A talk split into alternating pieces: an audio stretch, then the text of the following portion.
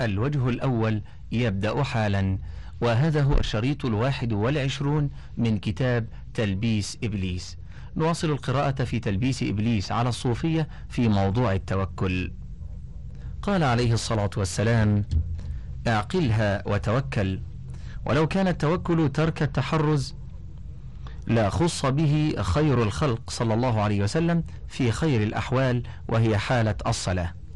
وقد ذهب الشافعي رحمه الله إلى وجوب حمل السلاح حينئذ لقوله وليأخذوا أسلحتهم النساء الثانية بعد المئة. فالتوكل لا يمنع من الاحتياط والاحتراز. فإن موسى عليه السلام لما قيل له إن الملأ يأتمرون بك ليقتلوك القصص العشرون خرج. ونبينا صلى الله عليه وسلم خرج من مكة لخوفه من المتآمرين عليه. ووقاه أبو بكر رضي الله عنه بسد أثقاب الغار وأعطى القوم التحرز حقه ثم توكلوا. وقال عز وجل في باب الاحتياط لا تقصص رؤياك على إخوتك. يوسف الخامسة. وقال لا تدخلوا من باب واحد. يوسف السابعة والستون. وقال فامشوا في مناكبها. الملك الخامسة عشرة. وهذا لأن الحركة للذب عن النفس استعمال لنعمة الله تعالى. وكما أن الله تعالى يريد إظهار نعمه المبدأة يريد إظهار وداعه. فلا وجه لتعطيل ما أودع اعتمادا على ما جاد به. لكن يجب استعمال ما عندك ثم اطلب ما عنده. وقد جعل الله تعالى للطير والبهائم عدة وأسلحة تدفع عنها الشرور كالمخلب والظفر والناب. وخلق للآدمي عقلا يقوده إلى حمل الأسلحة ويهديه إلى التحصين بالأبنية والدروع. ومن عطل نعمة الله تعالى بترك الاحتراز فقد عطل حكمته كمن يترك الأغذية والأدوية ثم يموت جوعا أو مرضا. ولا أبله ممن يدعي العقل والعلم ويستسلم للبلاء. إنما ينبغي أن تكون أعضاء المتوكل في الكسب وقلبه ساكن مفوض إلى الحق منع أو أعطي. لأنه لا يرى إلا أن الحق سبحانه وتعالى لا يتصرف إلا بحكمة ومصلحة فمنعه عطاء في المعنى. وكم زين للعجزة؟ عاجزهم وسولت لهم أنفسهم أن التفريط توكل فصاروا في غرورهم بمثابة من اعتقد التهور شجاعة والخور حزما. حاشية خار الرجل وخور ضعف وانكسر فهو خائر وخوار. انتهى. ومتى وضعت أسباب فأهملت كان ذلك جهلا بحكمة الواضع مثل وضع الطعام سببا للشبع والماء للري والدواء للمرض. فإذا ترك الإنسان ذلك هوانا بالسبب حاشية هوانا استهانة أي استخفافا بالسبب. انتهى. ثم دعا وسأل فربما قيل له قد جعلنا لعافيتك سببا فإذا لم تتناوله كان إهوانا لعطائنا فربما لم نعافك بغير سبب لإهوانك للسبب. وما هذا إلا بمثابة من بين قراحه وماء الساقية؟ رفزه بمسحاه فأخذ يصلي صلاة الاستسقاء طالبا للمطر فإنه لا يستحسن منه ذلك شرعا ولا عقلا. قال المصنف رحمه الله فإن قال قائل كيف أحترز مع القدر؟ قيل له وكيف لا تحترز مع الأوامر من المقدر؟ فالذي قدر هو الذي أمر. وقد قال تعالى وخذوا حذركم. وعن أبي عثمان قال كان عيسى عليه السلام يصلي على رأس جبل فأتاه إبليس فقال أنت الذي تزعم أن كل شيء بقضاء وقدر؟ قال نعم. قال فألق نفسك من الجبل وقل قدر علي. فقال يا لعين الله يختبر العباد وليس للعباد أن يختبروا الله تعالى. فصل. وفي معنى ما ذكرنا من تلبيسه عليهم في ترك الأسباب أنه قد لبس على خلق كثير منهم بأن التوكل ينافي الكسب. وعن سهل بن عبد الله التستري قال من طعن في التوكل فقد طعن في الإيمان ومن طعن على الكسب فقد طعن على السنة. وعن محمد بن عبد الله الرازي قال سأل رجل أبا عبد الله ابن سالم وأنا أسمع أنحن مستعبدون بالكسب أم بالتوكل؟ فقال التوكل حال رسول الله صلى الله عليه وسلم والكسب سنة رسول الله صلى الله عليه وسلم. وإنما سن الكسب لمن ضعف عن التوكل وسقط عن درجة, عن درجة الكمال التي هي حاله. فمن أطاق التوكل فالكسب غير مباح له بحال إلا كسب معاونة لا كسب اعتماد عليه. ومن ضعف عن حال التوكل التي هي حال رسول الله صلى الله عليه وسلم أبيح له طلب المعاش في الكسب لئلا يسقط عن درجة سنته حين سقط عن درجة حاله. حاشية حلية الأولياء لأبي نعيم. الجزء العاشر الصفحة الثامنة والسبعون والثلاثمائة والتاسعة والسبعون والثلاثمائة انتهت. وعن يوسف بن الحسين قال إذا رأيت المريد يشتغل بالرخص والكسب فليس يجيء منه شيء. قال المصنف رحمه الله قلت هذا كلام قوم ما فهموا معنى التوكل وظنوا أنه ترك الكسب وتعطيل الجوارح عن العمل. وقد بينا أن التوكل فعل القلب فلا ينافي حركة الجوارح. ولو كان كل كاسب ليس بمتوكل لكان الأنبياء غير متوكلين. فقد كان آدم عليه السلام حراثا ونوح وزكريا نجارين وإدريس خياطا وإبراهيم ولوط زارعين وصالح تاجرا. وكان سليمان يعمل الخوص وداود يصنع الدرع ويأكل من ثمنه. وكان موسى وشعيب ومحمد رعاه صلوات الله عليهم أجمعين. وقال نبينا صلى الله عليه وسلم كنت أرى غنما لأهل مكة بالقراريط. حاشية. صحيح. البخاري في الإجارة باب رعي الغنم على قراريط. الجزء الرابع الصفحة السادسة عشرة بعد الخمسمائة. والقيراط معيار في الوزن وفي القياس. اختلفت مقاديره باختلاف الأزمنة. وهو اليوم في الوزن أربع قمحات. وفي وزن الذهب خاصة ثلاث قمحات وفي القياس جزء من أربعة وعشرين وهو من الفدان يساوي خمسة وسبعين ومائة متر وانتهت الحاشية. فلما أغناه الله عز وجل بما فرض له من الفيء لم يحتج إلى الكسب. حاشية الفيء ما ينال من العدو بغير قتال. وقد كان أبو بكر وعثمان وعبد الرحمن بن عوف وطلحة رضوان الله تعالى عليهم بزازين. حاشية. البزاز بائع الثياب بأنواعه المختلفة. انتهت.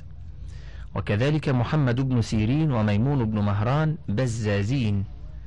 وكان الزبير بن العوام وعمرو بن العاص وعامر بن كريز خزازين. حاشية. الخزاز بائع الخز. والخز من الثياب ما ينسج من صوف وإبريسم بين معقوفتين الحرير. انتهت الحاشية. وكذلك أبو حنيفة. وكان سعد بن أبي وقاص يبري النبل. وكان عثمان بن طلحة خياطا. وما زال التابعون ومن بعدهم يكتسبون ويأمرون بالكسب. وعن عطاء بن السائب قال لما استخلف أبو بكر رضي الله عنه أصبح غاديا إلى السوق وعلى رقبته أثواب يتجر بها. فلقيه عمر وأبو عبيدة فقال أين تريد؟ فقال السوق. قال تصنع ماذا؟ وقد وليت أمور المسلمين. قال فمن أين أطعم عيالي؟ وعن عمرو بن ميمون عن أبيه قال لما استخلف أبو بكر جعلوا له ألفين. فقال زيدوني فإن لي عيالا وقد شغلتموني عن التجارة فزادوه خمسمائة. قال المصنف رحمه الله قلت لو قال رجل للصوفية من أين أطعم عيالي لقالوا قد أشركت. ولو سئلوا عمن يخرج إلى التجارة لقالوا ليس بمتوكل ولا موقن. وكل هذا لجهلهم بمعنى التوكل واليقين. ولو كان أحد يغلق عليه الباب ويتوكل لقرب أمر دعواهم لكنهم بين أمرين. أما الغالب من الناس فمنهم من يسعى إلى الدنيا مستجدية ومنهم من يبعث غلامه فيدور بالزنبيل فيجمع له. وأما الجلوس في الرباط في هيئة المساكين وقد علم أن الرباط لا يخلو من فتوح كما لا تخلو الدكان من أن تقصد للبيع والشراء. وعن سعيد بن المسيب قال من لزم المسجد وترك الحرفة وقبل ما يأتيه فقد ألحف في السؤال. حاشية ألحف السائل ألح أو شمل بالمسألة وهو مستغن عنها. انتهت. وعن إسماعيل بن نجيدي قال كان أبو تراب يقول لأصحابه من لبس منكم مرقعة فقد سأل ومن قعد في خانقاه أو مسجد فقد سأل. حاشية. انظر لأبي نعيم في الحلية الجزء العاشر الصفحة السادسة والأربعين. والخانقاه رباط الصوفية معرب مولد استعمله المتأخرون. انتهى. قال المصنف رحمه الله. قلت وقد كان السلف ينهون عن التعرض لهذه الأشياء ويأمرون بالكسب. وعن عمر بن الخطاب رضي الله عنه قال يا معشر الفقراء ارفعوا رؤوسكم فقد وضح الطريق فاستبقوا الخيرات ولا تكونوا عيالا على المسلمين. وعن محمد بن عاصم قال بلغني أن عمر بن الخطاب كان إذا رأى غلاما فأعجبه سأل عنه هل له حرفة؟ فإن قيل لا قال سقط من عيني. وعن سعيد بن المسيب قال كان أصحاب رسول الله صلى الله عليه وسلم يتجرون في تجر الشام. منهم طلحة بن عبيد الله وسعيد بن زيد. وعن أبي القاسم ابن الختلي سألت أحمد بن حنبل وقلت ما تقول في رجل جلس في بيته أو في مسجده وقال لا أعمل شيئا حتى يأتيني رزقي فقال أحمد هذا رجل جهل العلم أما سمعت قول رسول الله صلى الله عليه وسلم جعل الله رزقي تحت ظل رمحي حاشية صحيح. البخاري معلقا في الجهاد. باب ما قيل في الرماح في الجزء السادس الصفحة الخامسة عشرة بعد المئة. وأحمد في المسند في الجزء الثاني الصفحة الخمسين والثانية والتسعين. وصحيح الجامع للألباني برقم واحد وثلاثين وثمانمائة بعد الألفين. وقوله تحت ظل رمحي فيه إشارة إلى أن ظله ممدود إلى أبد الآباد. والحكمة في الاقتصار على ذكر الرمح دون غيره من آلات الحرب كالسيف أن عادتهم جرت بجعل الرايات في أطراف الرماح. فلما كان ظل الرمح أسبغ كان نسبة الرزق إليه أليق. انتهت الحاشية. والحديث الآخر في ذكر الطير تغدو خماصا حاشية؟ أي جائعة. والحديث لفظه لو أنكم تتوكلون على الله حق توكله لرزقكم كما يرزق الطير. تغدو خماصا وتروح بطانا. حديث صحيح. انتهت الحاشية. فذكر أنها تغدو في طلب الرزق. قال تعالى وآخرون يضربون في الأرض يبتغون من فضل الله. المزمل العشرون. وقال ليس عليكم جناح أن تبتغوا فضلا من ربكم. البقرة الثامنة والتسعون والمئة. وكان أصحاب رسول الله صلى الله عليه وسلم يتجرون في البر والبحر ويعملون في نخيلهم ولنا القدوة بهم. وقد ذكرنا فيما مضى عن أحمد أن رجلا قال له أريد الحج على التوكل. فقال له فاخرج في غير القافلة. قال لا. قال فعلى جراب الناس توكلت. حاشية. الجراب وعاء يحفظ فيه الزاد ونحوه. الجمع أجربة. انتهت الحاشية. وعن أبي بكر المروزي قال قلت لأبي عبد الله هؤلاء المتوكلة يقولون نقعد وأرزاقنا على الله عز وجل. فقال هذا قول رديء. أليس قد قال الله تعالى إذا نودي للصلاة من يوم الجمعة فاسعوا إلى ذكر الله وذروا البيع؟ الجمعة التاسعة. ثم قال إذا قال لا أعمل وجيء إليه بشيء قد عمل واكتسب لأي شيء يقبله من غيره؟ قال الخلال وأخبرنا عبد الله بن أحمد قال سألت أبي عن قوم يقولون نتوكل على الله ولا نكتسب. فقال ينبغي للناس كلهم يتوكلون على الله ولكن يعودون على أنفسهم بالكسب. هذا قول إنسان أحمق. وعن صالح أنه سأل أباه يعني أحمد بن حنبل عن التوكل فقال التوكل حسن ولكن ينبغي أن يكتسب ويعمل حتى يغني نفسه وعياله ولا يترك العمل. قال وسئل أبي وأنا شاهد عن قوم لا يعملون ويقولون نحن المتوكلون. فقال هؤلاء مبتدعون. وأخبرنا المروزي أنه قال لأبي عبد الله إن ابن عيينة كان يقول هم مبتدعة. فقال أبو عبد الله هؤلاء قوم سوء يريدون تعطيل الدنيا. وأخبرنا المروزي قال سألت أبا عبد الله عن رجل جلس في بيته وقال أجلس وأصبر وأقعد في البيت ولا أطلع على ذلك أحدا. فقال لو خرج فاحترف كان أحب إلي فإذا, جل فإذا جلس خفت أن يخرجه جلوسه إلى غير هذا. قلت إلى أي شيء يخرجه؟ قال يخرجه إلى أن يكون يتوقع أن يرسل إليه. وعن أبي بكر المروزي قال سمعت رجلا يقول لأبي عبد الله أحمد بن حنبل إني في كفاية. قال إلزم السوق تصل به الرحم وتعود به على عيالك. وقال لرجل آخر اعمل وتصدق بالفضل على قرابتك. وقال أحمد بن حنبل قد أمرتهم يعني أولاده أن يختلفوا إلى السوق وأن يتعرضوا للتجارة. وعن الفضل بن محمد ابن زياد قال سمعت أبا عبد الله يأمر بالسوق ويقول ما أحسن الاستغناء عن الناس؟ وعن أبي بكر بن جنات قال سمعت أحمد بن حنبل يقول أحب الدراهم إلي درهم من تجارة وأكرهها عندي الذي من صلة الإخوان.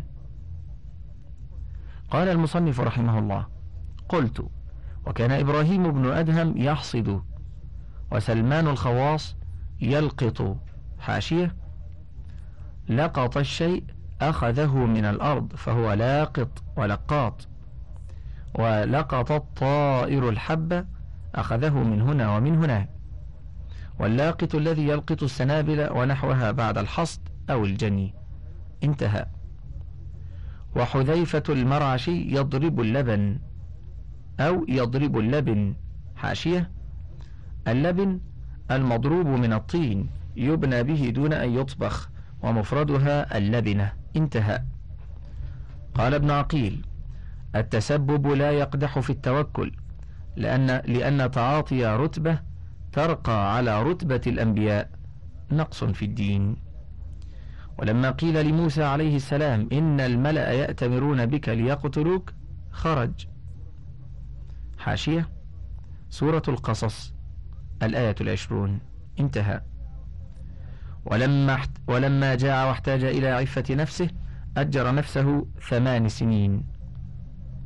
وقال الله تعالى فامشوا في مناكبها. الملك الخامسة عشرة. وهذا لأن الحركة استعمال بنعمة الله وهي القوى. فاستعمل ما عندك ثم اطلب ما عنده. قد يطلب الإنسان من ربه وينسى ما له عنده من الذخائر فإذا تأخر عنه ما يطلبه يسخط فترى بعضهم يملك عقارا وأثاثا فإذا ضاق به القوت واجتمع عليه دين فقيل له لو بعت عقارك؟ قال كيف أفرط في عقاري وأسقط جاهي عند الناس؟ وإنما يفعل هذه الحماقات العادات وإنما قعد أقوام عن الكسب استثقالا له. فكانوا بين أمرين قبيحين. إما تضييع العيال فتركوا الفرائض أو التزين باسم أنه متوكل فيحن عليهم المتكسبون فضيقوا على عيالهم لأجلهم وأعطوهم.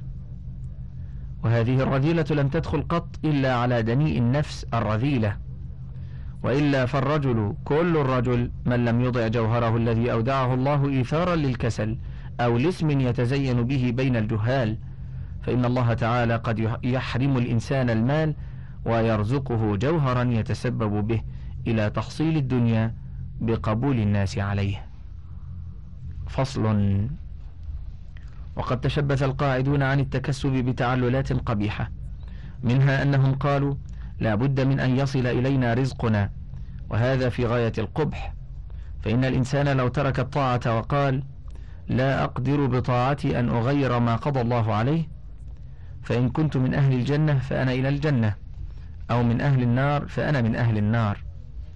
قلنا له هذا يرد الأوامر كلها ولو صح لأحد ذلك لم يخرج آدم من الجنة لأنه كان يقول ما فعلت إلا ما قضي علي ومعلوم أننا مطالبون بالأمر لا بالقدر ومنها أنهم يقولون أين الحلال حتى نطلب؟ وهذا قول جاهل لأن الحلال لا ينقطع أبدا لقوله صلى الله عليه وسلم الحلال بين والحرام بين. حاشية سبق تخريجه. انتهى. ومعلوم أن الحلال ما أذن الشرع في تناوله وإنما قولهم هذا احتجاج للكسل. ومنها أنهم قالوا إذا كسبنا أعنا الظلمة والعصاة مثل ما روي عن إبراهيم الخواص. قال طلبت الحلال في كل شيء حتى طلبته في صيد السمك. فأخذت قصبة وجعلت فيها شعرة وجلست على الماء فألقيت الشص فخرجت سمكة فطرحتها على الأرض. وألقيت الثانية فخرجت لي سمكة فأنا أطرحها ثالثة. إذا من ورائي لطمة لا أدري من يد من هي. ولا رأيت أحدا. وسمعت قائلا يقول أنت لم تصب رزقا في شيء إلا أن تعمد إلى من يذكرنا فتقتله. قال فقطعت الشعر وكسرت القصبة وانصرفت. وعن إبراهيم الخواص قال طلبت فقصدت إلى آخر ما تقدم. حاشية الشص حديدة معقوفة يصاد بها السمك. انتهى. قال المصنف رحمه الله قلت وهذه القصة إن صحت فإن في الروايتين بعض من يتهم فإن اللاطم إبليس وهو الذي هتف به لأن الله تعالى أباح الصيد فلا يعاقب على ما أباحه.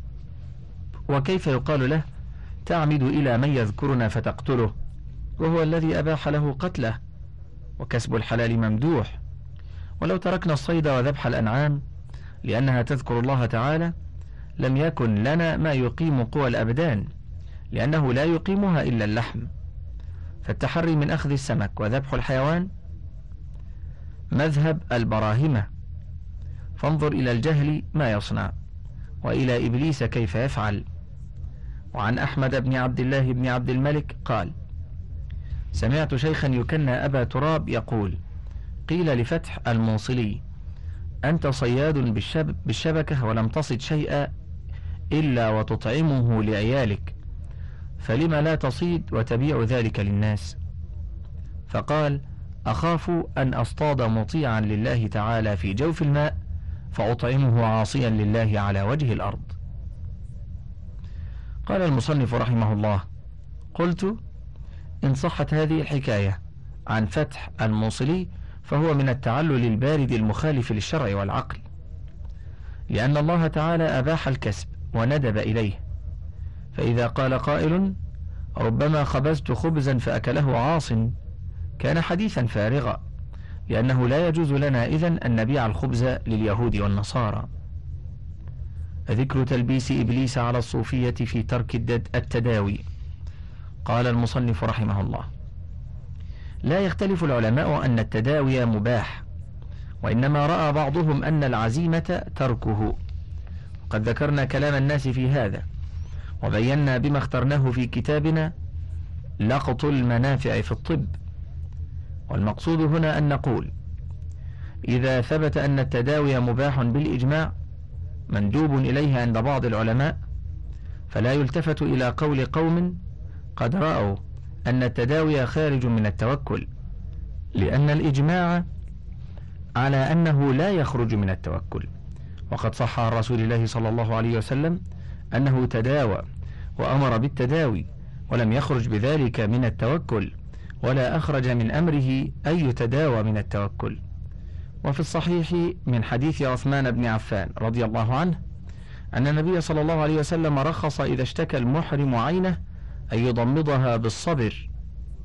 قال ابن جرير الطبري حاشية. صحيح مسلم في الحج. باب جواز مداواة المحرم عينيه في الصفحة التاسعة والثمانين. والضمد أصله الشد ومعناه اللطخ والصبر دواء مر. انتهى.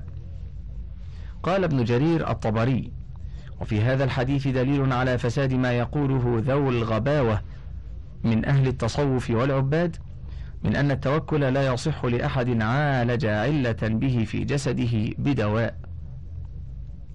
إذ ذاك عندهم طلب العافية من غير من بيده العافية والضر والنفع.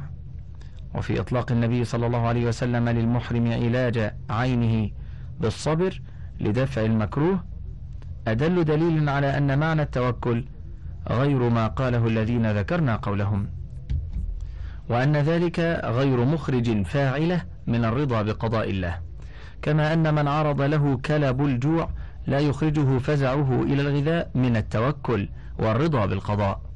لأن الله تعالى لم ينزل داء إلا أنزل له دواء إلا الموت. وجعل أسبابا لدفع الأدواء كما جعل الأكل سببا لدفع الجوع.